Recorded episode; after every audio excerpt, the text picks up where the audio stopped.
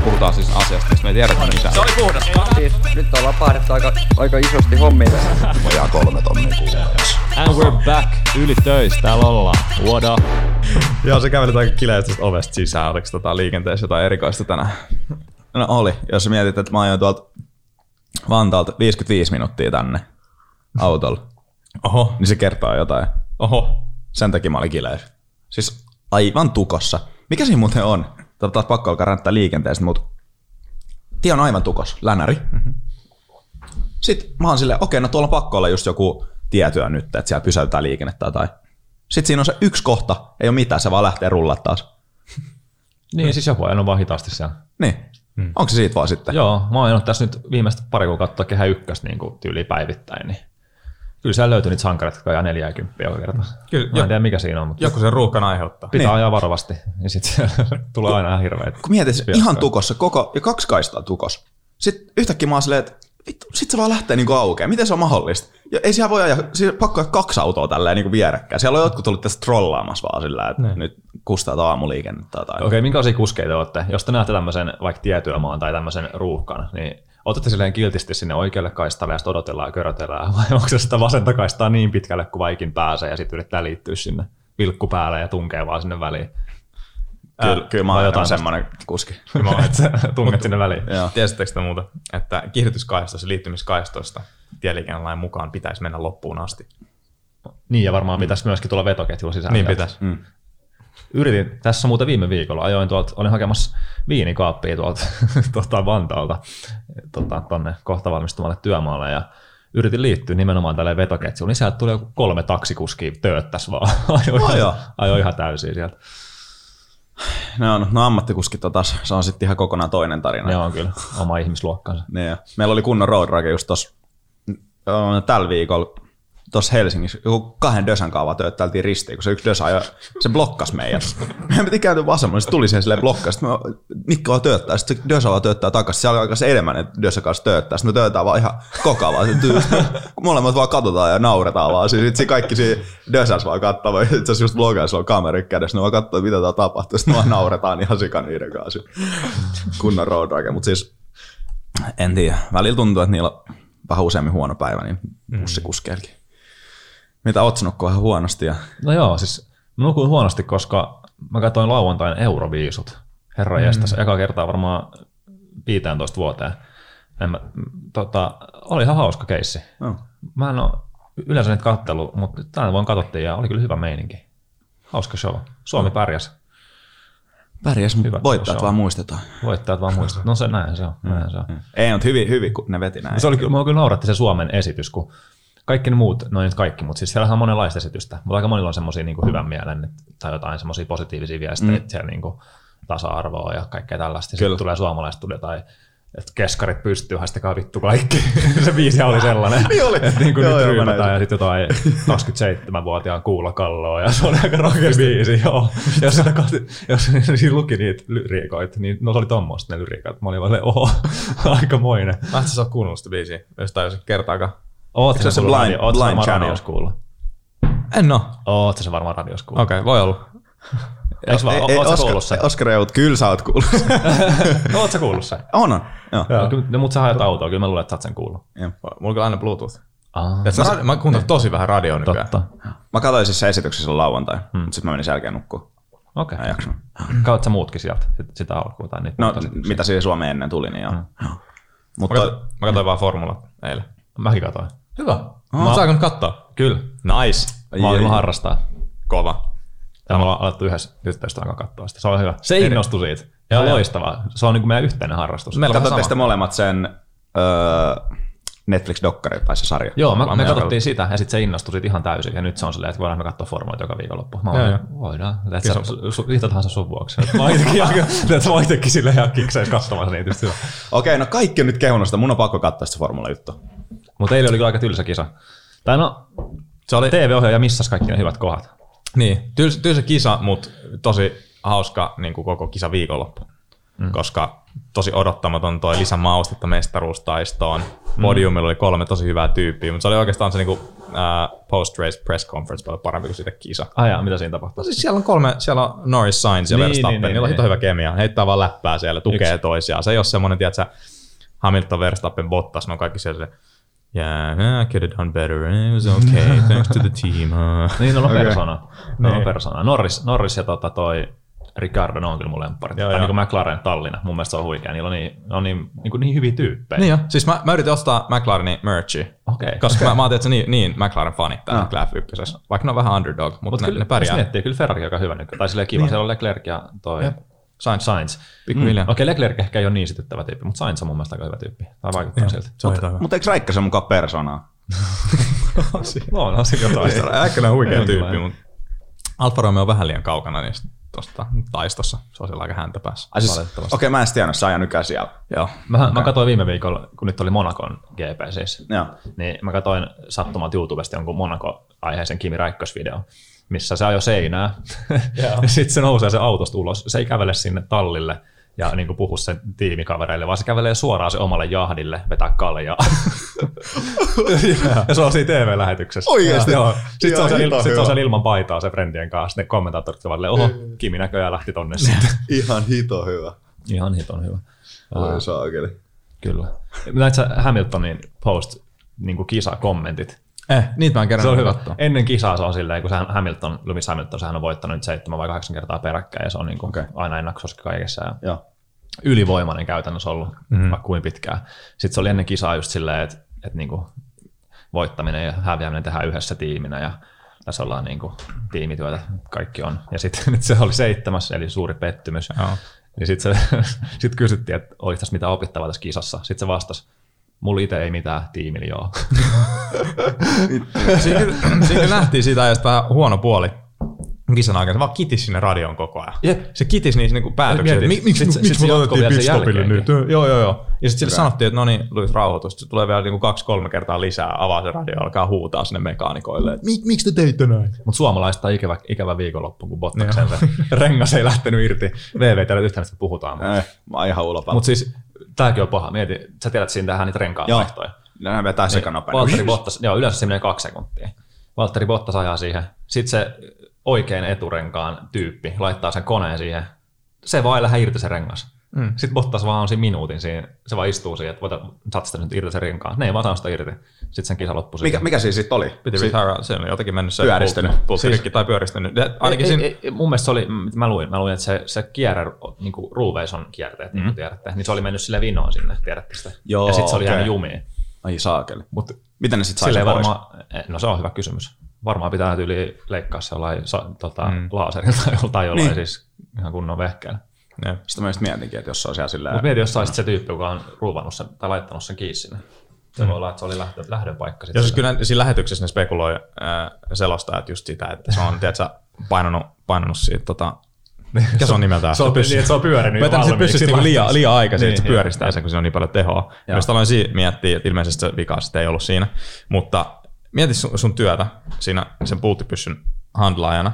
Sulla on tämmöisessä kisassa yksi stoppi, on kaksi sekuntia. Se on niin kuin parhaimmillaan 1,8 sekuntia on se sun suoritus. Auto, siinä on 13 miljoonaa euro auto, 200 hengen taustatiimi, kuskiolle maksetaan 50 milliä vuodessa. Ajaa siihen varikolle kolmen niin kuin, lämmittelyä aikaa jo päivän jälkeen. Te vedättiin, että se millisekunnin liian ajois, koko. Nolla pistettä mestaruudelle. Mut se varmaan, sen kisa meni ihan pilalle sitten. No Siis se, se jouduttiin retirea, se auto. Joo. Joo, niin kuin minuutti on, niin se on niin paljon aikaa. Joo, joo. No siis ei saa sitä irti muutenkaan, se voi ajaa sitä. Niin, niin, just niin. siis olisi varmaan ehkä voinut just, just mutta Joo. Toi tota, mitenköhän ne muuten tekee? Onko ne päivittää vaan tekee jotain treenejä, tulee se lihasmuisti siihen, että oikeasti varmaan. vaan jotain harjoituksia. nopea sun taakse olla. Se on, Niin. niin. kyllä se varmaan vähän kädet täris, jos nyt itse menisi siihen, siis, vaihtaa No rengasta. siis oikeasti, se on kaksi sekuntia ja se koko juttu kulminoituu niin kuin suhun. ja, ja, mutta se on Hei, se, mut sulla on kaksi sekuntia, jos sä kuset, sä saat kyllä kuulla Ja siihen. sitten siinä on ne kaksi tyyppiä, jotka laittaa sen renkaan siihen. Kyllä nekin varmaan aika paljon sitä opettelee, että ne saa sen renkaan laitettua. Yksi, se kahdesta. varmasti. Vai, laittaako se yksi vai Y- kahdestaan? yksi ottaa renkaan pois, yksi laittaa renkaan takaisin. yksi laittaa takaisin. Siellä, se on niin pilkottu niin pieniin osiin se koko Mutta se prosessi. laittaa sen takas, niin, Niin. niin. kyllä siinä pitää aika tarkka olla. Koska Nyt kun alkaa miettiä. Itse kun vaihtaa renkaat, niin Just on, näin. on se aika pikku säätö, että Niin niin on. jää heilua siihen. Niin ja, ja muutenkin se, että sä saat sen niinku ihan oikeassa se kohtaa aina, kun miettii, että ikä vaihtaa renkaita. Niin kyllä se niinku on sen vaikeet. Mutta siis on se jännä, miten usein... Tai se, että jos niinku- haluaisi niinku näin sukkan saada se sinne. Mutta siis noin varikkopysähdykset kaikista jännittävin osa f koska siinä niin, niin usein tulee feilejä, epäonnistumisia. Rengas ei lähde irti, sulla on vaikka väärä rengassetti siinä auton ympärillä, tai ne ei ole vaan kerennyt siihen, kun se auto tulee siihen stopille. Se on niin jännä. Siinä Netflix-dokkarissa kerran kävi silleen, että se yksi ei saanut sitä kiinni sitä rengasta. Ne otti sen irti, sitten se oli takaisin kiinni, mutta se kiristäjä kusi se homma. Että se niinku ei saanut sitä kiristettyä. Mm. Sitten se auto lähti ajaa. Sitten se aja alkoi vaan heti itkeä siinä, että ei helvetti, mä kusin tämän. Että toi rengas ei muuten mennyt kiinni. Mm. Sitten se, sä varmaan tiesit, että se on niinku potkut, koska no sä et saanut sun rengasta kiinni, niin Oi saakeli. se on aika paha. Mutta miten, onko sitten, uh, jos on vaan, vai riippuuko se kisat monta kertaa saa vaihtaa vaikka renkaat? Mä mietin, että jos onko käynyt se, että keli muuttuu tällä alkaa yhtäkkiä sataa ja pakko vaihtaa vaikka saderenkaat? On, on. Saat sä sit vaihtaa niin kuin, vai mitä Saa, saa. Kyllä sä saat pysähtyä niin monta kertaa kuin periaatteessa haluat, mutta sulla on vaan X määrä rengassettejä viikonlopun aikana, mitä saat käyttää. Mutta sä saat vaikka samaa settiä okay. käyttää useamman kerran, mutta se vaan kuluu joka kierrokselle. Et siellä on niinku, se, se, se, on se, mikä se dokkari kanssa vähän avaa ehkä ihmisille, jotka ei ole aikaisemmin niinku tutkinut F1, minkä takia siitä tulee enemmän mainstream. Se avaa vähän, mitä siellä taustalla oikeasti tapahtuu. Että toihan ei ole vaan semmoista sitä kilpaa ja nopeutta, vaan se on semmoinen hitomainen strateginen battle siellä, että mitkä ne niinku päätökset on siellä mm. taustalla. No niin, no just Siksi- tämä, siksi kun en mä sen tiennyt tota, niin toi heti jo selvesi niin tota koko hommaa enemmän. Se on muuttunut paljon. Jos, joskus back in the days sehän tankattiin aina. Se on kuin mikä häkkinen, silloinhan tankattiin.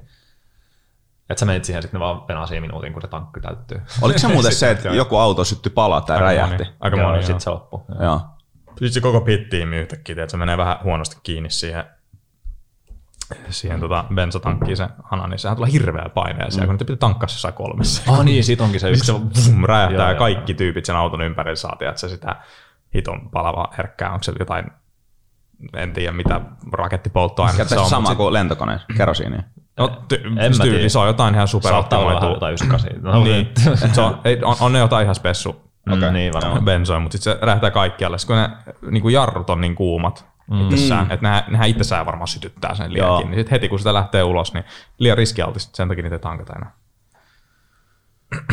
Make sense. Mutta kohtaan niistäkin tulee varmaan sähköisiä. Niin se on totta. Tulee enemmän teho. niin, niin. Ei, mutta Formula E hän on jo olemassa. Okei. Okay. Sähköauto.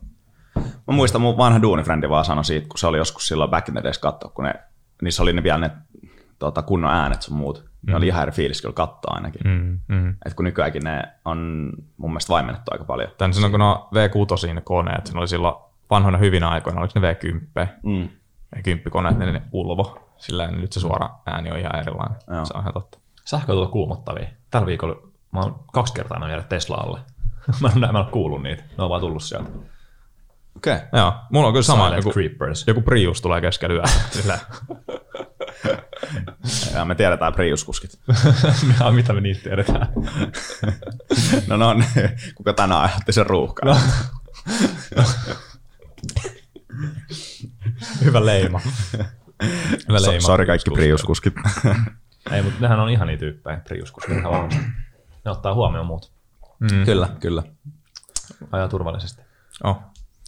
Sai uudet vanteet mun auto, kun autoilusta on puhuttu. Totta. Sitten tuli heti, tiedätkö, ky- no, aika nuorekas auto. Paljon maksaa. Ei mitään. Ei mitään. Ei mitään. Kun mä ostin tämän auton viime vuonna, ää, niin siinä oli niinku kaksi rengassettiä kuulu kauppahintaa. Se paikka, missä mä ostin, ostin sen, siinä oli talvirenkaatkin kitkat. Ne epäonnistui toimittaa mulle ne kesärenkaat silloin heti kesän yli. Ja ta, poliisi alkaa kuunnella, kun tätä mä oon viime kesän kitkoilla. Ja nyt mä oon pitkään, niin mä soitin sinne taas, mä oon niin kuusi kertaa viimeisen vuoden aikana soittanut, pistä kesärenkaat. Mä soitin sinne, että kesärenkaat on niin kuin paras olla tässä niin kuin viikon sisään. tai, tai mun juristi laittaa teille viestiä tyylisesti, tyylisesti. Ja se ei muuten enää riitä, että laitat mulle vaan kesärenkaat, vaan mä haluan myös talvirenkaat ja kaikki muut, koska tässä on nyt kestänyt niin pitkään. Tää niin härski sopimus rikko, niin joo, sieltä sitten tuli seuraavana päivänä uusilla vanteilla kesä, uudet kesäkumit ja tulee peräs uudet kitkat myös. Ja Hito. ne vanteet, se oli niin kuin siis, täytyy antaa sitten, no en ole julkista shoutouttia, mutta propsit, että ne reagoisit siihen niin kuin vähän uhmakkaampaan viestiin noinkin nopeasti, että, mutta se vaan vaati sen, että piti olla se, että ne oli nyt loppu se pelleille. Täytyy sanoa, että sun semmoinen pappastatus kyllä lähti Niin lähti. pois. Sen nuoreni aika paljon se autokin siinä. Joo, ei, ei ole enää ollenkaan semmoinen, Siis nyt vielä joku uusi maalipinta, jos se ei olisi se värinen, jos se olisi, niinku, jos se olisi joku sellainen matta musta tai jotain, se olisi ihan mint. Käy teippaa mattamutaksi mustaksi. Se olisi Mä oon kelannut voisi. Tai sellainen hiilikuituteippi. Joo, joo. Se on maailman läpi juttu. Skoda Yeti. se pahvilaatikon muotoinen auto vetää tuolla ihan tinted windows. Vitsi se olisi hyvä. Nyt semmoista ledivalot alle vielä. Joo, Voisi joo. muuten melkein läpän käydä käy tekee. madalla. ja helmat kaikki. Aina madallutus. Viedään saman tien Sitten kontti, kontti vaan sub, nämä sub, subwooferit. Joo. Tämä menee ihan autoilusetiksi. Niin menee. Mä olin siis vaihtamassa, menin sitten vaihtaa ne renkaat himaan. Va- Vaihtako te itse renkaat autoon? Joo. Joo. Joo. Niin te tiedätte, että ne ei välillä niinku, no renkaatkin voi välillä olla aika jumissa mm. siinä autossa, vaikka sä otat ne puutit irti, että ne lähtee. Mä vaihoin, lähti niinku tosi chillisti. Mutta mä olin se, että no, kun takerrat vinkuu, mä vaihan palat saman tien. Mä olin se, että no mä nyt käyn tässä hakemaan että matkalta jarrupalat mukaan. Mulla oli yksi kaveri mukana, me oltiin sovittu, että meillä on semmoinen tunnin miitti. Mä olin se, no vaihan tässä samalla tiedät nämä renkaat vai. Ajettiin sinne porukoidulla lähde vaihtaa niitä renkaat ja jarrupalat samalla. Jos te ikinä alkanut itse tekemään mitään remppaa autoa, niin se, se ei olekaan ehkä ihan semmoinen tämmöinen homma, mitä kuvittelee. Sitten mä otan sen takarenkaan irti ja hakattu sitä äh, tota, jarru satulaa tässä perketsiin ja tää on aivan ruostunut umpeen. Tää lähdet mihinkään. Vetää ruuvit irti ei kun mihinkään. Hakkaa yli lekalla sen ihan täysin, saa niinku sen irti sieltä.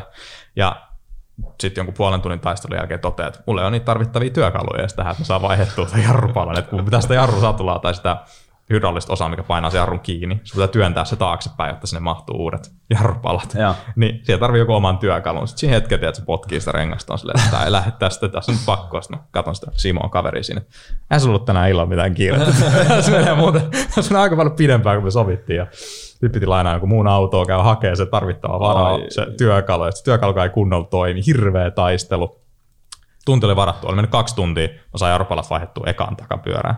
Mä se, ja sitten vielä toinen. Siis sä äsken tuossa heitit ilmoille ennen podia, että sua vähän himottaa tähän niin Oscari DJ-kanava. Niin, tää, kyllä tää kuulostaa, että sun niin päiviin mahtuu tämmöistä niin omaa DJ-tekemistä. Niin. Siis, kyllä, kyllä. Siksi mä oon alkanut miettiä. Viikonloppuun se terassikin tuli rakennettua, että ihan varmasti joko, joko mun oma IG-kanava tai sitten joku tube tai molemmat alkaa muodostua semmoiseksi Oskarin rakentaa tyyppiseksi. Siis tai Oskari sählää, sanotaan näin. Hyvä. Oskari Sählää, se olisi ihan hyvä. Itse muuten, ei olla varmaan puhuttu tästä, eikä me olla muuten kanssa nähty, mutta miten voi olla mahdollista, kun sä laitoit sun IG, tai sulla kävi tää, että sun autosta meni ne, se tota, jousi katkesi, tai oli jotenkin haljennut. Joo. Miten voi olla, että seuraavan päivän mulla halkesi se mun jousi? Siis Miten se on mahdollista? Mä en tiedä. Sama jousi. mä oikeasti mä- mä- hetken mä mietin, onko tämä joku sun- vitsi, kun sä laitoit Mä kanssa katsoin, joku- sitä, mä katsoin sitä Oscarin kuvaa siellä IG, mä naurain, haha, aina Oscarille tapahtuu, että mitä, vitsi mikä luuseri, tiedätkö, silleen. Sitten sit mä niin vaihan renkaat just seuraavan päivän. Mä katson, ei saakeli, mulla on jousi katki. Mutta oliko sulla ollut se pitkään sit kanssa? jo? Joku viikko. Se on aika läppää, että mä olin ajanut sillä vaan viikon ihan chillistä. Mut eli Mutta se, oli, se niin Niin. makasi iskari päällä, se oli niinku ihan ok, että sillä pystyi ajaa. Joo. Joo. Aika yllättävää, että sillä pystyi ajaa niin hyvin. Mä en niinku huomannut mitään eroa siihen. Siis, siis hauska juttu, mutta Nikelhän oli kans katki. Mitä? Joo. Oh my Joo. god. Mikä se on? Kaikilla on yhtäkkiä Niin. toi niinku... Meillä oli molemmin vasen eturengas. Ah, mulla oli oikein, sori. Mä luulin, Ah, sulla oli oikein, joo, mulla oli vasen. No okei. Okay. Siis mä, se oli, meni silleen, että mä ajoin niinku tämmöiseen kanttareeseen, mikä oli ihan pieni. Mä ajoin se ehkä vähän liian kovaa. Mulla oli hirveä pamahdus. Sitten mä luulin, että mä niinku olin mennyt etupuskurille siihen. Joo. Mä luulin, että niinku muovi oli haljennut. Mä menin katsoa ulos, mä olin, Aa, ei tässä ollutkaan mitään. Et ei tässä varmaan tapahtunut. Mä heti, joo, heti, heti, unohin sen. Joo. Ja sitten vasta viikkoa myöhemmin vaihoin rengas. Mä olin, oho, jousi katki. Mutta mä en tajua siis, miten sitä ei niinku, tai sitä ei vaan huomaa välttämättä, että se on katkennut. Se pitää tippua siitä kokonaan Niin. niin. kuin jotenkin pois siitä pidikkeestä. Mm. Mm. Sitten sen kyllä huomaa. Niin sit se huomaa. Mutta olisi, varmaan voinut käydä huonosti, koska se oli kuitenkin terävä, kun se on katkennut. Jep. Ja sitten se makas siinä. Mä luulen, että se on joku muoviosa. Saattaisi olla metalliosakin, minkä päällä se makas. Mutta mä mietin just, kun se on ihan niinku renkaa vieressä. Että niin. jos se olisi tullut sieltä vaikka moottorit ja 120 koja ja tuo joku töyssy, sitten olisi tietysti pamahtanut renkaaseen, mm-hmm. niin sitten olisi varmaan voinut käydä huonosti. Niin olisi. Jos rengas räjähtäisi. Joo. Mutta hei, on ollut, on ollut kiva kuulla äijän niin pitkästä aikaa, ei ole nähty. Kiva kuulla niin. teidän juttuja. Joo. Totta. Ja tota, minkä takia mä sanoin tälleen, niin tiesitte, että kaikille tämmöinen tilanne ei ole mahdollinen. Kaikki ei voi kertoa niitä juttuja Mm. Se on ihan totta. kellekään. Se on totta. Joilla on sellainen tilanne, että ne on valitettavasti yksin. Että ei, niin ole, ei ole tyyppejä, kelle kertoa omista jutuista ja Mm. ei välttämättä ole kellekään, kelle kertoo niin tärkeistä asioista. Ja voi olla sen olo, että on niin yksin tässä elämässä ja arjessa. Ja tänään puhutaan hetki siis myös yksinäisyydestä. Kyllä. Tämä podi on niin kuin toteutettu yhteistyössä Alkon kanssa ja heillä on yhdessä tämmöinen teema, kampanja liittyen yksinäisyyteen Helsingin missio ja Mieli ryn kanssa. Niin tuota, ajattelin, että tähän väliin voitaisiin ottaa muutaman minuutin segmentti liittyen tähän yksinäisyyteen. Otetaan, otetaan. Onko teillä itse mitä kokemuksia liittyen yksinäisyyteen? Sanotaan tuossa niinku alussa mainitsit, niin kyllä sitä täytyy tiedostaa, miten etuoikeutettu niin kuin on nyt myös, että on, on sille paljon läheisiä ystäviä, joiden kanssa pystyy sitten hyvin matalalla kynnyksellä aina ole yhteydessä ja lähteä jakamaan hmm. omia ajatuksia. Et on silleen niin huomannut olevan tosi hyvässä tilanteessa, että aika harvoin tulee ainakaan pidempikestoisia jaksoja, kun tuntuisi olevan yksin, että on niin kuin tosi vahva semmoinen ystäväverkko ympärillä. Mm. Kyllä. Ja mitä itse asiassa ennen podiikin just sanoit, että sillä meillä on myös ollut tosi et- etuoikeutettu asema siinä, että on veljet. Mm-hmm. Että esimerkiksi koko nuoruus niin on aina ollut joku siinä vieressä Kyllä. tukemassa. Ja kelle on voinut just kertoa asioita, kun on tuntunut vaikka siltä, että jää ehkä asiankaan vähän yksi, Jep. yksin. Niin sitten siinä on niinku se veli. Ja mm. voi oikeasti kertoa ihan kaiken. Jep. Jep. Että tota, se on tietenkin ollut, koska voi kuvitella, tai no itse asiassa tässä tietenkin, ei, mutta onhan sulki ollut sisko, mutta mä just tiedän, niin kuin, että onko teillä ollut välttämättä semmoista samasta dynamiikkaa, Niin, että no onko tuntunut, että jäänyt teillä on silti ehkä yksin. Teillä on aika silleen blessed toi, kun teillä on ollut myös totta ollut kavereita, niin hyviä kavereita ja Mm. niin kuin veljen, veljen kanssa, että eihän se tosiaankaan kaikki, kaikilla on niin. Ollaan, me ollaan, mä oon mun siskon kanssa tosi hyvää pataa nykyään, mutta ei me nyt lapsen ehkä silleen niin kuin koko ajan hengattu tai puhuttu. Kyllä me nyt hengattiin just, tehtiin asioita, mutta ei me nyt välttämättä puhuttu mitään syvällisiä juttuja. Niin. Mm. Niin kuin ihan joka viikko ainakaan. Tai ei välttämättä ollut sellainen, että jos olisi käynyt vaikka jotain tosi noloa koulusta, mä olisin mennyt heti kertoa Joo. sille tai toisinpäin. Mm. Ja Mutta en, en mäkään silti on niin kuin onneksi lapsuuden, lapsuudesta oikeastaan muutenkaan joutunut kohtaan niin kuin, ainakaan mitään vakavia yksinäisyys Mm. niin kuin ajatuksia tai sellaisia. Joo. On se, ja elämäntilannekin on ollut pitkälti se, että asunut kotona, ja kun muutti opiskelemaan, niin sitten sielläkin asui pitkälti kämpisten kanssa. Mm-hmm. Et saman katon alla, siellä oli myös mun broidi.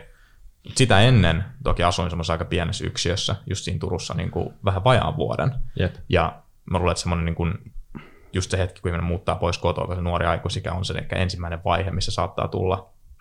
Toki paljon aikaisemminkin tulee koulussa sun muussa, riippuen vähän, että mitä siinä on, niin kuin, millainen tilanne on ollut, mutta helposti monella se on ensimmäinen kohta, missä aidosti ollaan hetki niin kuin yksin ja ketään ympärillä, jos sä muutat sinne yksin, niin kuin säkin itse asiassa vähän aikaa asuit yksin jonkin aikaa, niin kyllä kun mä mietin taaksepäin, niin semmoisia omista fiiliksistä, ne on niinku ehkä semmoisia aina kokemuksia, missä on oikeasti tullut semmoinen ajatus välillä, että makoilee se yksiössä. Tässä on nyt oikeasti aika niinku yksin. Totta. En muuten, mä olin unohtanut kanssa ton, mutta ehkä just se niin kuin eka opiskeluvuosi. Joo. Just kun me muutettiin kuitenkin eri kaupunkiin silloin ja Mm.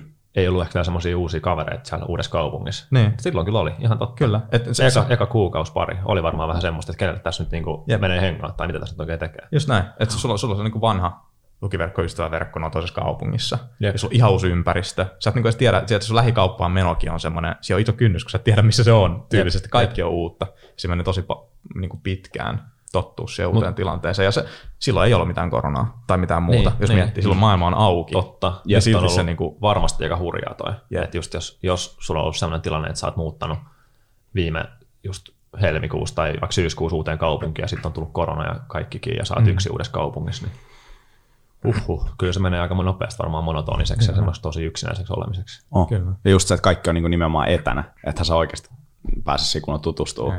Hyvä, kun källään sikin kameraa päällä. Jep. Niissä muutenkaan. Jep. Niin sä et edes niin näe toisen naamaa. Jep. Nyt muuten, no me ollaan aikaisemminkin puhuttu niin kuin inttikokemuksista sun muista, mutta mä muistan itse mm. silloin, kun mä menin niin kuin kaikki mun sen aikaisia kavereita vuotta aikaisemmin armeijaan, Okei. Okay. niin itse asiassa sen mä muistan, että se oli ehkä vähän semmoista yksinäistä, että kun tuli sieltä viikonloppuisin himaa, ei kukaan sanonut kuunnella tinttijuttuja, kukaan ei tajunnut vielä mitään, kaikilla oli vasta se tulossa. Niin kukaan, tai sä ei niistä sille olisi oikein voinut kertoa niistä jutuista, kun se oli aika perseestä just Joo. välillä, niin kuin tiedätte Jep, se armeija. jep. Ja sitten siellä oli, ja sitten mulla ei ehkä siellä Intissä ollut semmoisia niin läheisiä frendejä. Joo. Silloin ehkä oli myös vähän sellaista niin kuin yksinäistä. Niin, oliko sulla niinku, siis meinaat sä, että viikonloppuisikin, että vaikka oli ne frendit, mutta sitten kun ne ei niinku Joo, joo, ottanut ka- vastaan niitä juttuja, kun ne ei ymmärtänyt, niin No. tavallaan tuntuu, että jäi vähän yksin niiden omien Niin, et jos sä ajatusten kerrot jotain sun intti-juttuja, kukaan ne ei niinku tiedä, mistä Joo. on kyse. Ei, ei ne pysty samaistumaan, ei ne pysty niinku olemaan silleen, että okei, mä tajuun. Jep. Ehkä, Joo, silloin, joo. just, ehkä sitten silloin varmaan ei myöskään kertonut niitä juttuja. Mm. Toi on just se paha, mikä yksinäisyys on. Kyllä. Varmaan, että se on aika sit vaikea kertoa.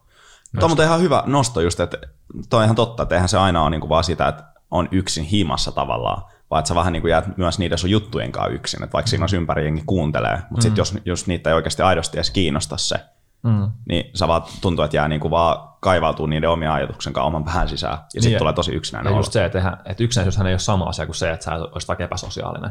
Että silleen, mm. vaikka sä oot esimerkiksi supersosiaalinen tyyppi, Mm. Ja sulla on paljon kavereita, niin se voi silti olla, että säkin kokisit yksinäisyyttä. Kyllä, kyllä. Koska just, jos sä voi kertoa jotain sun tärkeitä tai jotain aj- ajatuksia, mitkä vaikka sua niinku rassaa, ja sulla ei ole semmoisia tyyppejä, jos voit kertoa niitä, niin sittenhän sulla tulee yksinäisyyttä. Tai se on niinku, Jep. Tiedätkö muuten mitä? Nyt itse asiassa tuli yksi mieleen. Tämä on hauska, kun alkaa juttelemaan, niin alkaa Niin, tulee niin, näitä jep, muistoja mieleen. Mutta tota, lukio itse asiassa eka vuosi. Joo. Silloin mä muistan, että mulla oli väliin tommosia ajatuksia. Mä olin silloin supersosiaalinen. Muistan, mä tutustuin koko kouluun. Kaikki tunsin. Mä pidin just niitä bileitä, mistä ollaankin juteltu. Mutta silti mä itse asiassa muistan, että mulla jonkun verran oli semmosia niin kuin ajatuksia aina silloin tällöin. Totta kai mulla oli silti onneksi niin kuin mm. tosi läheisetkin ystävät, mutta sillä, että ehkä silloin ha- yritti hakea jotain tietynlaista semmoista statusta. Että en tiedä mm. mitä se oli, mutta et se ei silti antanut mulle semmoista täyteläistä oloa. Mm. Vaikka mä tunsin ja kaikki tunsi mut. no tossa voi ihan, ihan varmasti voi tulla yksinäinen olo. Sä oot käynyt bileet ja sit vaikka, tiedät, sä kukaan jääkää siivoa. Joo. Sit sä oot silleen, että Just näin. tosi kiva. Jep. Niin kuin, että mä taas mm. yritin niin kuin, tehdä kiva jutun yhteisesti ja sit jää, jää sinne yksi. Mm. Ja siinä mä itse asiassa muistan, siinä tuli usein kanssa just niitä, että on silleen, että okei, no, no sen takia se lukion kakkosen vähän niin kuin muuttuikin, että sit mä olin silleen, että eihän tässä mitään järkeä mm. olla vaan kaikkien kanssa, että vähän pienestä omaa piiriä. Mm. Just sen takia, että huomas, no toi on hyvä esimerkki, että ketä niin kuin oikeasti kiinnostaa minä ja mun jutut vai niin. vaan mun bileet, Niin, niin, niin niin. tyyppisesti. Jep. Tai voi tulla sen olo, ja sitten tietenkin Kyllä. siinä voi olla syy, miksi kaikki lähtee sieltä, että on jotain muuta tärkeää tai Kyllä. muuta, mutta sitten Mm. kyllä siitä tulee semmoinen. Tulee, tulee. Mutta huomasitteko te, että meidän kaikki ensireaktio on silleen, että ei meillä mitään yksinäisyyttä ole. Niin. Sitten, niin. sit miettii hetkestä silleen, no itse asiassa, että onhan mekin joskus kuitenkin sit oltu. Joo. On se, kyllä mä sanon, että se on niinku jossain määrin kanssa aika luonnollinen osa Niin. elämän eri vaiheita, että jossain kohtaa sitä tulee. Ja samalla kun me ollaan täällä podissa paljon puhuttu vaikka eri niin kuin mielenterveyteen liittyvistä ongelmista, sekin mm. on vähän semmoista ailahtelevaa välillä, että ihan normaali osa. Välillä menee hyvin, välillä on vähän niin kuin synkempää. Kyllä. Toki silleen normaalissa syklissä, että kyllä niin kuin yksinäisyyskin semmoinen, väliset on enemmän, väliset on vähemmän, mutta ei sitä niin kuin pidä, kannata itsellään pitää. Että kyllä mä sitten siinä on ehkä huomannut sen, että jos vähän ollut, niin siinä taas se etuoikeutus astuu peliin, että on ollut jolle niin kuin ilmoittaa, että ei, nyt on kyllä ehkä ollut vähän, vähän niin kuin under, under the weather siinä, että on vähän niin kuin yksin omien ajatusten kanssa, että Kyllä. jauhetaanko hetki. niin. Niin. Kyllä. Että kyllä se niin kuin avun hakeminen kaikissa noissahan on kaikista vaikeinta. Jep. Ja, ja, sitä, Niin ja sitä helposti vähättelee niitä omia fiiliksiä. Tai niin Sit- esimerkiksi sitä siis se se on. mo- monesti meille, minkä takia tulee se fiilis, että ei ole ollut yksinäinen, koska miettii, että okei, no jos mä oon tässä niin kuin pari päivää ollut vähän, vähän tämmöisen yksinäinen mm. fiilis, niin ei tämä ole mikään haaste, mutta se on yksinäisyyttä. Niin. Niin. niin. Ja se on, se on ongelma sulle. Niin. Et ei, aina voi just, niin. niin. Niin, ei aina voi vertaa vaan sen, okei, joku on ollut jonkun vaikka vaimon kuollessa ollut 20 vuotta yksin tässä. Mm, et mm. Totta kai se on niinku, mutta ei aina voi just vertaa, että kuitenkin ne omat ongelmat on itsellä, itsellä ja, Oman elämän kontekstissa Niin. pitää aina ottaa niin Just kaikki näin. huomioon. ja ne on sulle siinä hetkessä on. niin pahoja kuin ne on. On, on. Et, On, on. Mutta yksinäisyys on niinku ihan valtava ongelma, eikä siitä niinku hirveästi puhuta. Ja Mä en tiedä, onko sulla niinku siinä jotain datapointteja, kun sä seisot se kone, kone edessä siitä, että yli, ylipäätään, Niin, niin, niinku, mitä mä veikkaan, että suuri osa ei tiedä, että et, niinku, jos katsotaan kansantauteja sun muita. Niin, mitä tuossa vähän lueskeltiin ennen, ennen podia, niin yksinäisyys on niin kuin, aiheuttaa enemmän kuolemia kuin ylipaino esimerkiksi. Mm. Mm. Että ei sitä nyt ajattelisi, että se olisi niin kuin noin iso ja valtava asia, mitä se sitten oikeasti on. Mm. Ehkä se on just, kun ei sit nyt silleen puhuta, ja se on niin kuin ehkä, Jep. ehkä se on sellainen ongelma, että se niin kuin ruokkii itse itseään, koska sä et niin kuin välttämättä, jos sulla on yksinäinen olo, niin sulla ei ole välttämättä kelle, ketään, kelle kertoa, että mä oon yksinäinen, ja mm. sitten se vaan pahenee ja pahenee ja pahenee, ja sitten se johtaa kaikkeen muuhun. Kyllä. Et yksinäisyys on varmaan niin kuin se silleen niin kuin portti siihen, että yhtäkkiä sulla voi olla myös masentuneisuutta ja päihdeongelmaa mm. ja vaikka mitä kaikkea. Varmaan Mm. ylipaino tulee myös siellä ihan samalla tavalla mukana. Se on varmaan niin kuin se syy, mikä sitten johtaa näihin kaikkiin ikäviin seurauksiin. Jep. Tai ei nyt ainoa syy, mutta yksi syistä. Mm.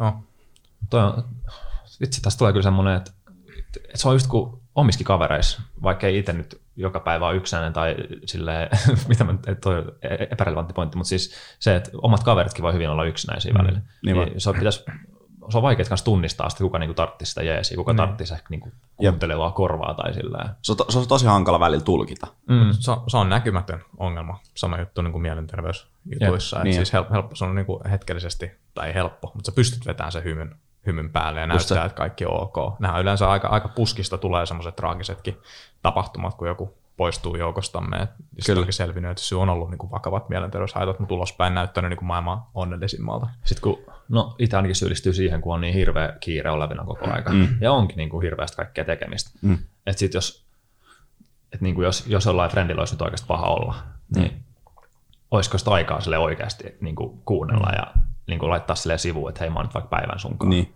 No siis Että kyllä tuommoista kyllä on, jos haluaa oikeasti tehdä se. niin, niin, niin mutta silleen, että aktiivisesti tehdäänkö me nyt joka Niin, päivä, tai koko ajan silleen, että ei käy kysyä vaikka toisiltamme, että onko sulla kaikki hyvin. Jep. Että ei nyt tehdä ihan, ihan koko aika kuitenkaan. Se on totta. Mutta siinä se on totta. Mutta täytyy myös muistaa, no tämä on tavallaan hyvä muistutus kanssa niin itselleen, mutta täytyy myös muistaa, että just ehkä sen takia se on hyvä, että se lähtee sieltä itsestään, saa sieltä ne niin kuin kaikki ajatukset kuntoon oman kautta, kun just ei voi aina odottaa vaan, että kaverit esimerkiksi on joka päivä tulos niin kuin soittelee tai on siinä niin kuin vierellä. Et, On, on.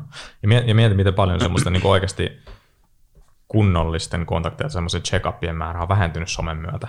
Ainakin mä, mä oon itse huomannut, että et, et sä esimerkiksi niinku soita sillä tavalla sun kaverille, että hei miten menee tyylisesti, vaan Joo. sä käy tsekkaa niitä IG-story. Ja laitat Niin. niin. jonkun sydänhymiä. Joo, ja, ja sitten sit, sit se tyyli, mistä, mistä ollaan kanssa monesti puhuttu, on se, että kun sä itse sit selaat sitä somea, sä koet, että kaikki muut on tekemässä koko ajan jotain muiden kanssa, Mm. ja sama kaat siinä sohvalla katsomassa niitä. Että kyllä siinkin, no some nyt on oikeasti toksinen. Se on ihan toksinen ylipäätään aina, kun sitä käyttää, silloin tuntuu olevan enemmän haittapuolia kuin hyötyjä, Niin. mutta niin kuin etenkin se, se kyllä ruokkii myös yksinäisyyttä ja sen tunnetta mm. vahvasti. Sata varmasti. Ja on- onhan se siis ihan tutkittukin. Se on ihan fakta. Mm-hmm. Se on. Niin.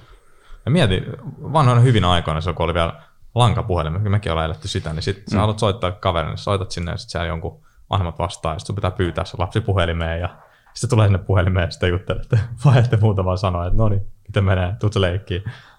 Mullakin oli muutamia ystäviä. Vanhoja hyviä aikoja. Se oli vaan suoraan sinne kotiovelle, koputtaa niin. kiltisti. Niin oli, niin oli. Että voiko, voiko joku Jukka tulla olemaan tai jotain. Mieti, miten se on muuttunut, kun nykyään sä laitat jollekin viesti silleen, että hei, voiko mä soittaa sulle, tai hei, voiko mä tulla sun ovelle, tiedätkö, Niin. tyyppisesti.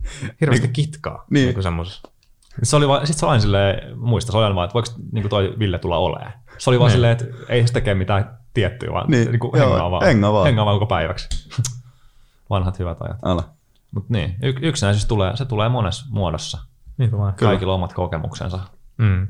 Tärkeää olisi se, että jos, jos tuntee yksinäiseksi itsensä tai on, on tämmöisiä fiiliksiä, tunnistaa jossain kaverissa, niin jonkinnäköinen avun hakeminen kyllä auttaa ja puhu, asiasta puhuminen. Mm. Ehdottomasti. Ja just se, että niin kuin tuossa aikaisemmin sanottiin, että kaikilla on ne omat tunteet, että ei mitään ei pidä vähätellä. Niin. Ja just se, että jos se ei puhu, niin sitten se vaan paisuu ja pahenee ja pahenee ja Se on juurikin aiheuttaa näin. kaikkea ikävää. Että Mm. Parempi saa juurikin puhua ennemmin kuin myöhemmin. On, on, ehdottomasti. Ehdottomasti. Ehdottomasti. Kelle, kelle kannattaa puhua? Onko meillä tästä joku? Helsinki, no Helsinki Missio, Mieli ry. Kyllä. Linkit on tuolla podin kuvauksessa tietysti. Joo. Mm-hmm. Et tuota, sinne vaan lueskelemaan kaikki yksinäiset ja kaikki muutkin, että mm. meillä varmasti on kaikilla joku tuttu, joka voisi hyötyä näistä. Että kuitenkin, mm. Sata mä en muista datapointtia, mutta oliko se nyt, että 400 000 suomalaista on yksinäisiä, niin kyllä se nyt varmasti jokaisen sosiaalisen verkostoon yksi mahtuu, tai Kyllä. parikin. Mahtuu, mahtuu. Että varmasti me kaikki voitaisiin tavalla tai toisella auttaa tässä asiassa. Kyllä. Että se ei välttämättä vaadi muuta kuin se, että vaikka soittaa mummille niin kuin, Niin. tai, Jep. tai jotain muuta. Että Jep. tässä, tässä voi olla pienet jutut, millä voisi tätä asiaa niin kuin edistää ja helpottaa tilannetta. No. Ja on tämä viimeisin vuosi kyllä tuonut esiin semmoisia epäkohtia korostanut niitä nimenomaan niin kuin vanhusten mm. yksinäisyydessä ja muussa ja nuorten yksinäisyydessä ja syrjäytymisessä, mitä hienoa, että ne on tullut esiin, mutta erittäin valitettavaa, että ne on olemassa niin isoina kuin ne on, että niin kuin vakavempina kansantauteina kuin nämä ylipainot ja muut. Että niitä vaan pitää pyrkiä yhdessä ratkaisemaan. Enemmän keskustelua niiden ympäriltä, sitäkin, sitäkin tässä pyritään aktivoimaan. Niin. Mutta ei, ei, nää, ei näitä helppoja ongelmia just ole. Että, Ei. Ei. ei. että ei, ei niin kuin, kerran, kerran puhuminenkaan ei välttämättä ole se riittävää, että vaatii aika pitkäjänteistä semmoista Kyllä. tekemistä niin kuin monelta eri taholta, että tämmöinen valtava yksinäisyysongelma koko maailmasta poistettaisiin. Jep. Joo, no kuitenkin jos mitä se 400 000 on, niin, Niin Suomessa. ei se ole niin yksiselittäistä vaan, että Mm. Ei. mä puhun vähän enemmän jollekin ja sitten se lähtee. Mutta että jos mekin niinku jaksettaisiin jotain kaveria tai, tai just mummia tai jotain mm. niinku vähän enemmän kuunnella, niin Kyllä. Se olisi kova juttu. Joo, se, se, toi, niin, ja just toi vielä, että oikeasti kuuntelee niin se toista ja mm. jaksaa niin kuin, olla kiinnostunut Niin, no just mitä se, sanoo. sehän, sehän ei mitään auta, että sanoo vaan, että me, me vaan ulos tai jotain. Että me, Ei, ei. me näkee jotain, että me harrastaa jotain. Ei, se ei, ei varmasti auta. auta. Et just, no miettii vaikka sitä sun inttivuottakin niitä viikonloppuja. et Mieti, jos sun kaverit oikeasti olisi silleen, niin kuin jos tiedät, sä osoittanut vähän, että niitä kiinnostaa. Silleen, mm. aa, no mitäs sitten? Ja, no okei, mitä mun kannattaa ottaa huomioon, kun mä menen sinne TMS, niin kuin vähän sillä Niin, en, ja siis en mä nyt syyllistä niitä siitä. ei, ei tietenkään, Että se on myös, ei itse osannut kertoa totta niitä kai, totta kai. Mm, Siis, Mutta siis sillä että Mutta niitä periaatteessa, että jos Niin. joku olisi ollut silleen tosi jep, ymmärtäväinen ja Jep, ottanut aika sellaista selvää ja sitten niinku jutellut, niin varmaan Just se se. olisi auttanut. Ja just yleisesti se, että kun kai, nykyään just nimenomaan toi, että juttelee jollekin sitä silleen, no itse asiassa mulla on vähän kiire, mutta täytyy yli mennä. Jep. Niin että vähän antaa aikaa. Ja, Ja, kyllä se, niin no, kaikki Osoittaa. some ja kiire ja kaikki Niin. tämä niin kuin, elämä, koko elämä on tämmöistä, mennään projektista toiseen, kaikki on hetkellistä ja projektiluonteista mm. ja nopeata ja aina mm. isommat ja paremmat jutut mielessä ja niin jo. ikinä ei ole, tai ei nyt, tunnu, ei nyt ihan niinkään, mutta tuntuu välillä siltä just, että kellään ei ole aikaa niin kuin hetkeä olla silleen kuunnella. Jep.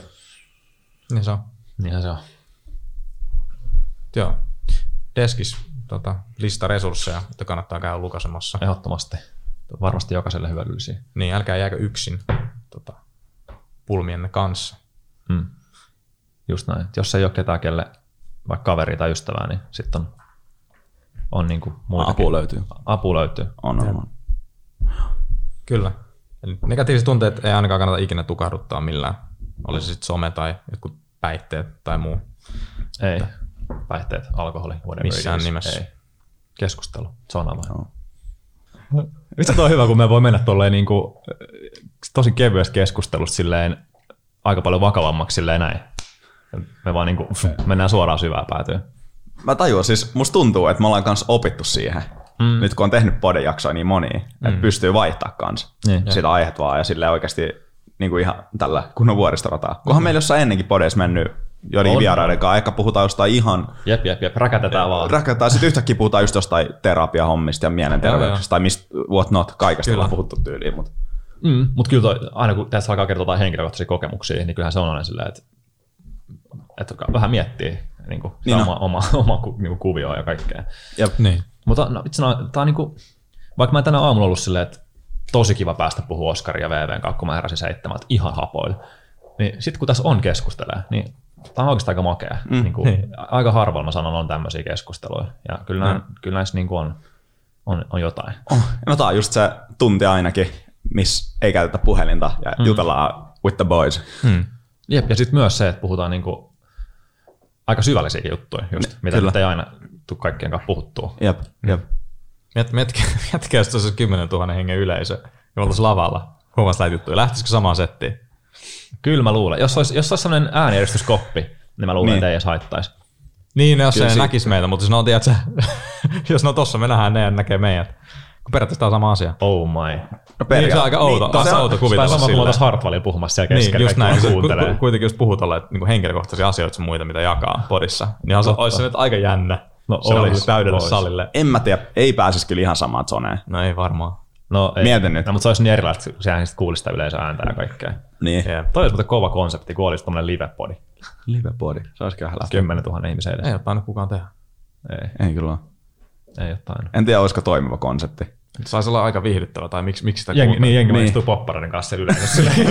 Äijät jauhaa jostain formulasta, mistä ei tiedä yhtään mitään. Siis vitsi on Formula liitteen läppäjuttu, kun itse asiassa tämänkin podin kun puhuttiin autoista. Tuo yksi tyyppi, mä en nyt muista se ig handle joka kerta kun me puhutaan autoista, se on joku autotyyppi Instagramista, tulee laittaa sika hyvää viestiä, se on, vittu te puhutte taas aivan väärin näistä asioista, mutta se niinku hyvä, tosi hyvällä mielellä, se on hyvä tyyppi, laittaa viestiä just silleen, että vitsi mä repeen, kun mä kuuntelen noita juttuja, kun me puhutaan jostain vitu kampiakselin laakereista, silleen, että me ei edes tiedetä mitä ne on. Se on mun mielestä paras. Aina kun alkaa puhua jostain moottoriajoneuvoista, mä en tiedä, siis mä rakastan ajaa niitä, mutta en mä osaa korjata, en mä tiedä niistä mekaniikoista mitään, mutta se on aina kampeaksi laakeri. Mä en edes tiedä, onko se mikä on aito osa edes. Ei, mutta siis mä opin niistä Onko aina, mä kusetettu En mä tiedä, mutta siis nyt kun mä puhuin niistä jarrupalojen vaihosta taas, niin sieltä tulee taas sitten vaan vinkki, että itse asiassa tehdään näin. Mä, Itse asiassa siellä on tämmöinen joku nappula tai jotain.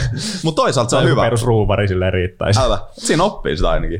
Joo, jos kysyy, mutta sitten tulee kyllä niitä viisastelijoitakin riittää. Joo, että no antaa niitä ohjeet silleen niin kuin tosissaan. No niin, Niin. No, mutta ehkä toi on sama kuin, että jos joku tulisi sulle heittää silleen jostain bitcoinista silleen faktaa, silleen, että itse asiassa. Niitä tulee aika paljon. Nyt on muuten kryptokuplaa puhjennut. Onko se puhjennut? Joo, puhjennut. En tiedä, mutta eilen illalla taas ostettiin. Joo, hyvä. Koko ajan, koko ajan. Mä yritän kerää käteistä kaikkialta, mutta siis ei ole mitään kuplaa. Uskokaa se. Vitsi, mä, ole mitään kuplaa. mä hajoan siihen, niin kuin, se on läppäisen niin internet-sentimentti, kun Niin. katsoo Redditiltä tai näitä, mitä tahansa keskustelupalstoja. Mm. Heti kun kurssi tulee vähänkin alas, siellä on heti silleen, että vitu idiootit, kupla puhjennut, että sitten tajuu, että bitcoin on arvoton, saatana idiootit. että tää on kaikki ihan paskaa. Mieti, kun- Euro seteli, täältä voi, täältä voi ostaa asioita silleen, mitä? Vittu se on läppä, kun siis niinku, esimerkiksi osakesijoittaja, siis kuka puhuu näin paljon. Kaikki on vaan silleen, noin laittaa ja sitten tyyli 60 70 ja se katsokaa, Bitcoin on silleen joka päivä, kun kaikki koko ajan puhuu siitä. Niin. Ja sitten sille heti kun se vähänkin tulee alaspäin, sitten silleen, ha, ha, ha, Fiat on parempi. Te olette kaikki niin idiootteja. Miten te voitte kuvitella, että tämä voisikin toimia? Ha, ha, ha, ha. No, totta kai, jos sä mietit, sun on helpompi olla niinku bearish kaikista nousuissa. Sä huutelet mm. koko ajan, että tulee markkinaromahdus. Oli sitten kyseessä asuntomarkkinat, osakemarkkinat, kryptomarkkinat. Se koko ajan huudat, nyt romahtaa. Niin kyllä se jossain kohtaa tulee alas. Mm. Aina tulee alas, jossain kohtaa hetkeksi. Niin sit sä voit niinku ottaa se sun 15 seconds of fame, että no niin, mä kollasin tän. Mm. Et Myit, myit sä mitä ennen? Oot sä yhtään likvidoinut? en, mä, mä, mä tuun ikin myymään Bitcoinia. En tuu, siis Ei mä- mutta mä mitään, mitään muita positioneita tässä niin ennen tota, tai Kryptoja. keväällä. Niin, en, oot- ole, en, ole myynyt. Siis me ollaan, me ollaan puolessa välissä härkämarkkina. Tämä ei ole sijoitusneuvontaa, mutta tullaan menee. Tämä on nyt semmoinen accumulation phase, että pitää tulla aika, tota, kolikot siirtyy weak handseihin, strong handseihin. Että kaikki, ketkä on nyt semmoisessa spekulaatio, Joillain on vaan niinku- niin. niin. Ja- Ko- koko ajan lähtee. Kolikot lähtee exchangeille kylmiin lompakoihin. Porukka pitää, tulee supply shocki ja hinta vaan nousee. Ei tässä niinku, The more ei hätää. Dollar cost average, ostakaa koko ajan pikkasen, niin tulee sopiva kurssi, keskikurssi. Joillain on vaan vähän niinku semmoista kädet, mihin saa helpommin kirjoitettua vähän. paperi. Ei, mut, joo, mutta tässä on sille överipainoisia, mutta se on conviction, on semmoinen vakaumus siihen, että tämä homma toimii, niin ei mulla ole ihan, sa- ihan sama, mikä se kurssi on. Tämä on 10 mm. vuoden, 20, 30 vuoden betti. Mulla on aivan sama, mikä se kurssi on tänään. Musta tuntuu, että jengi on just unohtanut niinku kryptoisen kokonaan, sen pitkäaikaisen sijoittamisen. Niin sit, sit porukka ostelee, tiedät sä, sä ostat Dogea ja Safe Moonia ja Calm Rocketia ja Pussy Magnetia ja mitä nämä niinku on. No niin, että mä Jake Pauli kryptoa. Niin, mä, mä haluan tehdä, mä haluan olla ylihuomen Eikö tästä ollut se, kun Oskari sä laitoit joskus, tai sä oot laittanut niinku just semmosia niinku kaikki bitcoin-juttuja, jengi varmaan niinku tajuu, että sulla on ollut, tai että sulla on bitcoin, niin, niin sitten jengi tulee laittaa sulle DM, ja sä kerroit mulle, että miten mä ostan tätä Safe Moonia. Just silleen, että sä kerrot täällä kaikkea sitä vastasta, ja sitten ketkä kysyy, ne on kuitenkin silleen, että miten Dogecoiniin pääsee käsiksi. Joo, joo. Joo, on pakko tulee- respecta, jos ne heittää kuin 10 kiloa safe moon, niin että sä get that bag. siis, joo, joo, siis kyllä, jotkut, kyllä ne on jotkut tehnyt rahaa, mutta siis pääsääntöisesti siellä kyllä on niin kuin nettohäviäjiä enemmän. Et siis siinä on ero, että niin lähdet sä uhkapelaamaan vai onko sun vakaumus jotain niin kuin makrotrendiä kohtaan, niin kuin mulla se bitcoin, se on niin kuin, mä just rakensin terassin, puun hinta on kaksinkertaistunut vuodessa. Näin on. Joku väittää, että ei ole inflaatio. Okei, kysyntä tarjolla on myös peli. No, niin, No, se, on, mutta raha- se, on, raha- se on kyllä kysyntää ja tarjontaa, eikä ei, mutta inflaatio. mut raaka-aineet, raaka-aineet ja kaikki ää, minimipalkat sun muut niin nostetaan, koska inflaatio pelaa. Raaka-aineiden hinnat on kasvanut ihan älyttömästi, koska rahaa on painettu ihan älyttömästi. Mutta puussa eikö se ole nimenomaan koronasta supply-ongelmista? Siinä on myöskin se. Joo. Siinä on myöskin se. Uskoisin näin. Mutta oikeasti inflaatio alkaa pelaamaan isompaa isompaa roolia. Tämä on muuten nyt niin vanha aihe, että kaikki varmaan nyt laittaa saman tätä podin pois, kun ne kuulee tämän sanankin, koska tämä on niin loppuun käsitelty ja kaikki, kaikki on jahannut tästä ihan liikaa, mutta mut siis GameStop. Joo, Oletteko nyt sitten myynyt ne teidän positionne vai ette? O- Ostat sä vielä? Mä en ostanut- mä en mutta Oskari osti sitä. Mä, my, mä myin, mä siis omistan edelleen. Mä Ai omistat? Oho. Joo, mä hyppäsin silloin, mitä mä ostin? Vähän alle sadalla dollarilla ää, joitain osakkeita. Ja silloin kun se kävi siinä kolmessa, mä myin 320 silleen, että mä otin omat ulos. Joo. Ja mä jätin sinne ne loput vielä. Joo. Eli mä niinku, vähän reilu tuplakurssi silloin, tai se oli itse asiassa melkein, se oli joku- yli kolme puolikertainen kurssi tai jotain, millä otti sit omat ulos, ja sitten sinne jäi silleen reilu puolet osakkeista edelleen, ja odotan sitä short squeezea. Kyllä se on tulos. Ihan varmasti short squeeze on happening. Ei saa. Mä en ole, mä en ole käynyt siellä niinku Redditin echo chambers vähän aikaa, mutta siellä varmaan joka päivä edelleen kaikki on vaan, että kohta se tulee. Mm. Siis, ei jengi lopeta. Ei ne lopeta. Kyllä aina. Aika hyvin se on näköjään stabiloitunut tuohon 150 päälle se hinta kuitenkin. Et se on jäänyt siihen. Ihan chillistä yritys niin kuin tuossa, mitä 10 x sitten se valuaatio on mm. koko operaatiolla. Jep. Aika hyvä. Mut joo, siis Elon Musk on paska jätkä. Ai kun se puhuu Bitcoinista pahaa. Joo. vähän, market, vähän pientä semmoista markkinamanipulaatioa. Älä, ei, mutta se on mun mielestä läppä, miten yksi äijä pystyy niin manipuloimaan kryptomarkkinaa Niin. noin pahasti. Se on aika härski, kun se eikä itse just pumppaa sitä ihan hulluna, ja sitten se, sit se niinku tekee tolleen. Jep. Niin, kyllä. Tai en mä niinku- tiedä, toisaalta se on vaan yhä Twitter. Et ehkä Niin, se on toisaalta se on, Niin, se on joo, ihan ihan Twitteri, että on aika paljon niinku isompia voimia kuin sen Twitteri, mikä noita Oo. kursseja oikeasti liikauttaa. Mm. Noin noi markkinadynamiikat on myös sellaisia, mitä ihmiset ei ihan täysin Niin. niin. ymmärrä, että minkä takia se kurssi, jos se, okei, jos se laskee pari tonnia, miksi se sitten laskee 20 tonnia? Jep. Ei, mutta se on oikeasti nätti äijä. Niin Niin on. mikä vaikutusvalta silloin. Niin jo. Niin. Ihan älytön. Siis ihan varmasti on tämmöisiä niin trendipohjaisia sijoittajia, jotka laskee jotain algoritmeja ja muita, mutta miettikää niitä tyyppejä, jotka oikeasti päivittää, koska ihan varmasti näitä on kanssa, jotka päivittää Elon Muskin Twitteriin ja ne venaa, että sinne tulee joku, Sata joku varmasti. kurssi ja sitten ne ostaa sitä. Jep. Ja sitten ne myy heti, kun se puhuu niistä pahaa. Jep, jep. Niin. Jännä, ei, ei mitään muuta kuin, no, Elon hype. Niin. Sitten sä ostat tai myyt. Kyllä. Mä itse paper Kyllä Dogelkin olisi voinut tehdä hyvin rahaa, jos siellä olisi ollut.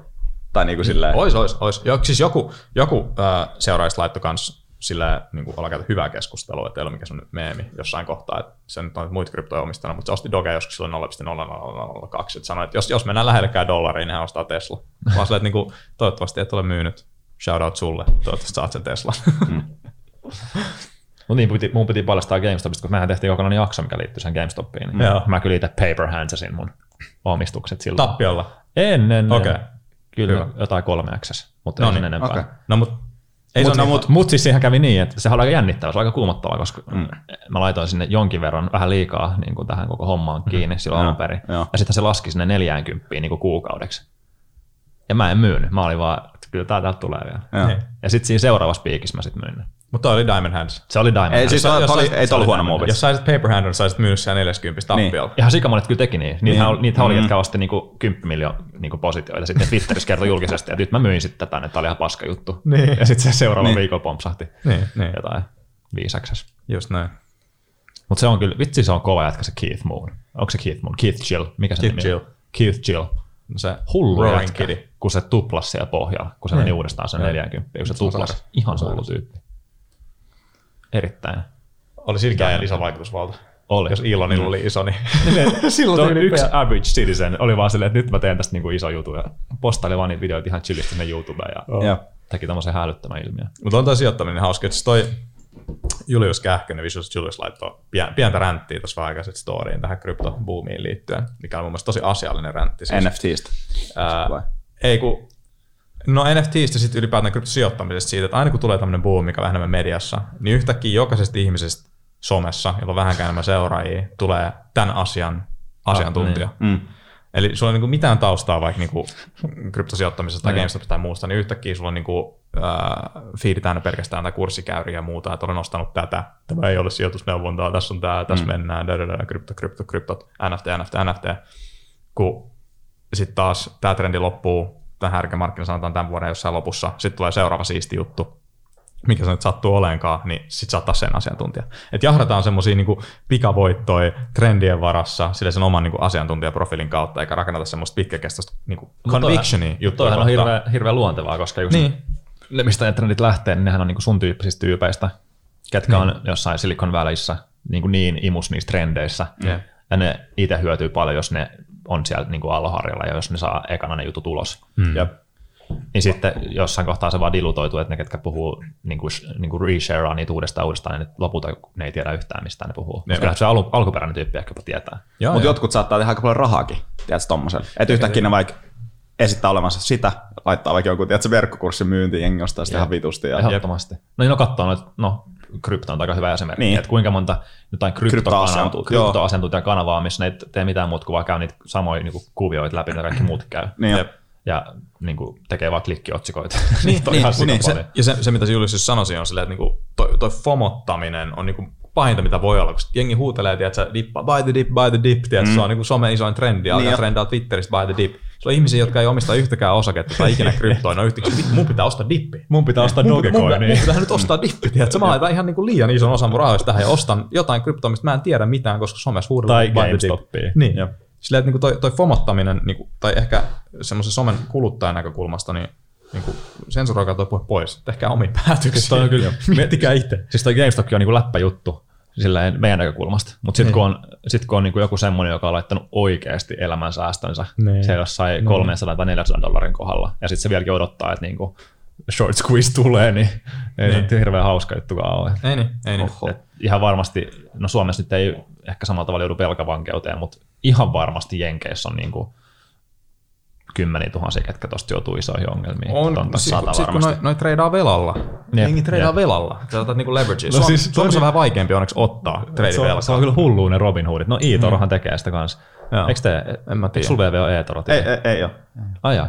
Ei, mutta siellä, siellähän on, siis sä pystyt, mä oon tehnyt sinne tilin kerran kokeilin, sitä mä halusin jotain ostaa sieltä, niin jos katsoo jotain suomalaisia pankkeja tai mitä sellaista osakkeita, niin kyllä se on vähän ehkä vastuullisempaa meininkiä kuin siellä eToros ja Robinhoodissa. Sä voit vaan painaa se, että no mäpä 10 x tästä nyt mun niin leveragein. Sä vaan painat tälleen. tss. Niin. Ja okei, sun pitää tehdä joku semmoinen testi, vähän Mm. niin kuin missä on viisi kysymystä, että ymmärrät sä mitä on velka. Joo, joo, ymmärrän, ymmärrän. Sitten sen jälkeen sä voit vaan jolottaa siellä silleen, että shorttipositio jollain 10 x leverage. Ihan sika, siis se tapahtuu vahingossa. Joo.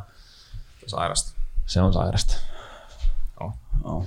Joo. Älkää antako haipin johtaa teitä tekemään tyhmiä päätöksiä. Joo, ja ehkä just se, että jengi laittaa niinku vähän yli sille omien varojensa kanssa niin, monesti. Niin. Just ja, ja ilman mitään suunnitelmaa. niin, ilman mitään suunnitelmaa. Mutta toki jos teette, niin jakakaa ne ihmeessä someen ne teidän tarinat, niin me kaikki muut saadaan. Joo, siis täkätkää meitä. Me halutaan, me halutaan nähdä. Ja, joo, ja sitten sanokaa kaikille, että tehkää samalla lailla. Joo. No todellakin. Ja markkinoikaa ittenne prooksi ja myykää tai Tehkää verkkokursseja. Niin. Ehdottomasti. Ei, ei, ei, mä, mäkin lopetin kyllä noita kursseja päivittänyt kohta, kun mä täysin niitä niin kuin vähän enemmän syyllistyin just kanssa siihen, että no ehkä, tiedätkö, mä luulen, että jengi tekee vaan tyhmiä päätöksiä, kun mä jaan näitä. niin, niin. Mutta sitten taas, jos mä jakaisin sillä tasolla, miten iso osa mun arjesta toi niin kuin tällä hetkellä on, koska mua kiinnostaa se niin paljon, niin mulla ei ole mitään muuta mm. mun fiidissä. Mm. No seuraatko koko ajan, joka päivä aktiivisesti noita No, kursseja? En kursseja. Mä, en- mä oon lopettanut hinnan seuraaminen just, että mun menee osto-ohjelman mukaan, että mulla ei ole enää puhelimessa, koska se on enemmän just, se on häiriötekijä. Mä enemmän näitä niinku fundamentteja tai niinku koko kryptoekosysteemin Joo, kehitystä, että mä niinku luen siitä, kuuntelen ihmisiä, jotka on ollut tässä skenessä niinku 2011 lähtien puhunut mm-hmm. samaa asiaa, jotka on jo silloin ollut silleen, että no niin, 2021 ollaan tässä hinnassa ja ollaan niinku ihan, tiedätkö, ollaan siinä, missä ollaan, ja niin kuin adoption on tällä tasolla, on yli 100 miljoonaa käyttäjää Bitcoinilla, mitä tapahtuu. Et niin kuin se on se kiinnostava puoli. Sillä kurssilla ei oikeasti vaan ole, ei sillä vaan ole väliä, kun puhutaan Bitcoin-teesistä, mutta sitten tulee näitä muita, jossa, jotka on vähän niin kuin kurssiriippuvaisempia. Hauska juttuhan on, mä sanon vielä loppukannettina, älkää välittäkö hinnasta. Omistaa, sä omistat X määrän Bitcoin, ihan sama mikä sen arvo on dollareissa tai euroissa. Ja pitäkää huoli, että omistatte ylihuomenna enemmän bitcoineja kuin omistitte eilen. Ja tämä ei ole siis sijoitusneuvontaa. Ei, Ottakaa huomioon, vaikka Oskarilla on aika tämmöinen painokas tämä loppukaneetin äänenpaino, niin Jep. tämähän ei ollut siis sijoitusneuvontaa. Ei, mutta se on sille viimeisen kuukausi. Down in dollars, but up in bitcoin. Mm. Se on se, on se teesi. Että mitä enemmän, niitä on, niitä on rajattu määrä maailmassa ja mitä enemmän pystyn niitä sitä itselleni haalimaan, niin Tämä on kyllä tarina, voi. jota mä ainakin itse mielenkiinnolla seuraamaan, että Joo, mitä, joo. mitä tässä niin Bitcoin-maailmassa tapahtuu. Ja Kyllä, kyllä, kyllä. mä itsekin uskon kyllä tuohon oh. koko systeemiin, tuohon se on se järkevä juttu. Joo. Should make sense. No mitä muuta kuuluu? Meillä on nähty kuukauteen varmaan. Ei varmaan ollakaan. Sä oot ollut rakentamassa taloa, Oskari rakensi terassia. Paloin ihan tota, Ai se palaa, no, totta lauantaina. kai, kyllähän se pitää ottaa. Heti kun vähän aurinko paistaa. Niin. Niinku, siis oikeasti aivan. Oh my. Sä oot kyllä ihan punainen. aivan. Tää ei ole nyt edes niin paha, mitä tää oli vielä eilen. Tämän päivän puna on huomisen ihosyöpä. Ei, mutta toivottavasti joku pitäisi muuttaa toi sana. Oh my god. Niin. Ei, mutta siis mulla on tällä hetkellä tää niin kipeä, että siis tää paitakin sattuu nyt koko ajan, kun on tässä päällä. No niin, tosi, tosi hyvä. Joo. Säkin tarvitsit sen yhteistyön, mikä, tai sen, niitä aurinkorasvoja, mitä Oskarilla on. Ehkä sä voit Oskari antaa pari. Tarvis. Joo, se. Ei, Oikeasti, mut sä, siis- ihan oikeasti tarvit. se on kyllä, en, en, en, no comment, on vaan niin helkkari jääräpää. Toi olisi muuten mielenkiintoinen tietää niin kuin ihosyövästä, kun tuolla puhumaan, että mm. et kummat sairastaa enemmän ihosyöpää. Tämmöiset niin VV, jotka ruskettuu helposti ja ajattelee, että ei ikinä tarvitse aurinkorasvaa, mm. vai sun tyyppiset, jotka pelkää aurinkoa niin kuin pahinta vihollista. niin. Että Mut- jotka oikeasti varoittaa ja laitatte Hyvä 50 Se voi olla ihan yllättävää. Mutta tiedätkö, mikä on läppä? Tai siis silleen, että mulla tulee parempi rusketus silloin, kun mä kanssa käytän aurinkorasvaa. Kun se tulee silleen tasaisemmaksi ja jotenkin hienommaksi. Aha. Siis Se on ihan, ihan legit, mutta silti mä vaan jotenkin... mun, mun mielestä on niin, että kun aurinkorasvaa sun pitäisi käyttää kun se tänään. Joo. Koska... Ja siis totuus on se, että sehän on no ainakin mun omalla kohdalla mä oon huomannut, että se on ihan myytti, että aurinkorasva estää ruskettumista. Se, se vaan tekee sen tasaisemmaksi. Niin. Ja sitten lopus, loppujen lopuksi se on silleen, että pitääkö ottaa vaikka kaksi päivää enemmän aurinkoa, että sä saat sen saman määrän, mitä saisit niin kuin ilman, niin ihan, ihan niin kuin yksi hailee. Mm. Ja loppupelissä se, se on niin kuin, siinä on ihan hivenen hieno ehkä ero. Ei se aurinkorasva oikeasti estä sitä ruskettumista. Niinpä. Eli käyttäkää aurinkorasvaa. Kyllä. Oliko tämä neuvontaa nyt? Tämä oli neuvontaa. Terveysneuvontaa. Tämä oli terveysneuvontaa. Ja tää, pit- tätä pitää kuunnella. Eli VV on elävä esimerkki. Eli Joo. tee niin kuin mä sanoin, älä niin kuin mä teen. Just näin. Kyllä. Se on hyvä. Ei, mutta sehän on oikeasti parasta. Ja nyt mä oon tässä ihan helkkari huonossa tilanteessa, sattuu ihan saakelisti ja en pysty kunnolla nukkua, kun menee no. sänkoon. Sä, ai, ai, tiedätkö, tyyny on sulta, ai, niin, ei tää ole kivaa. Näin se on. Ei, missään nimessä. Huhhuh. Joo. Mitä mä tiedän, onko se mitään muuta? Paljon juttuja, mistä... Kaikki niin. on nyt puhuttu. Kaikki on nyt Niin. puhuttu. Nyt on kaikki keskustelua, mitä voi keskustella. Niin. Käyty läpi. Nyt taisi loppua pojilta keskustelua heitä kesken ja VVkin lähti jo lätkimään tuonne vessan puolelle, niin eiköhän tämä podi ollut tällä kertaa tässä. Hauska oli pitkästä aikaa rupatella ja tuli siellä aika tärkeäkin aihe käsiteltyä, eli yksinäisyys tuolla välissä. Uh, muistakaa kertoa teidän huolista, murheista kavereille, jos tuntuu, että on yksinäistä, niin yritä kertoa siitä jollekin. Jos susta tuntuu, että sä voisit auttaa jotain, kellä saattaisi olla yksinäisyyttä, niin yritä kuunnella. Uh, Helsinki Missio ja Mieli ry ja Alko uh, linkkejä löytyy tuolta deskistä. Sieltä löytyy aiheesta lisää. Ja tota, kiitos kuuntelusta vielä kerran. Hei hei.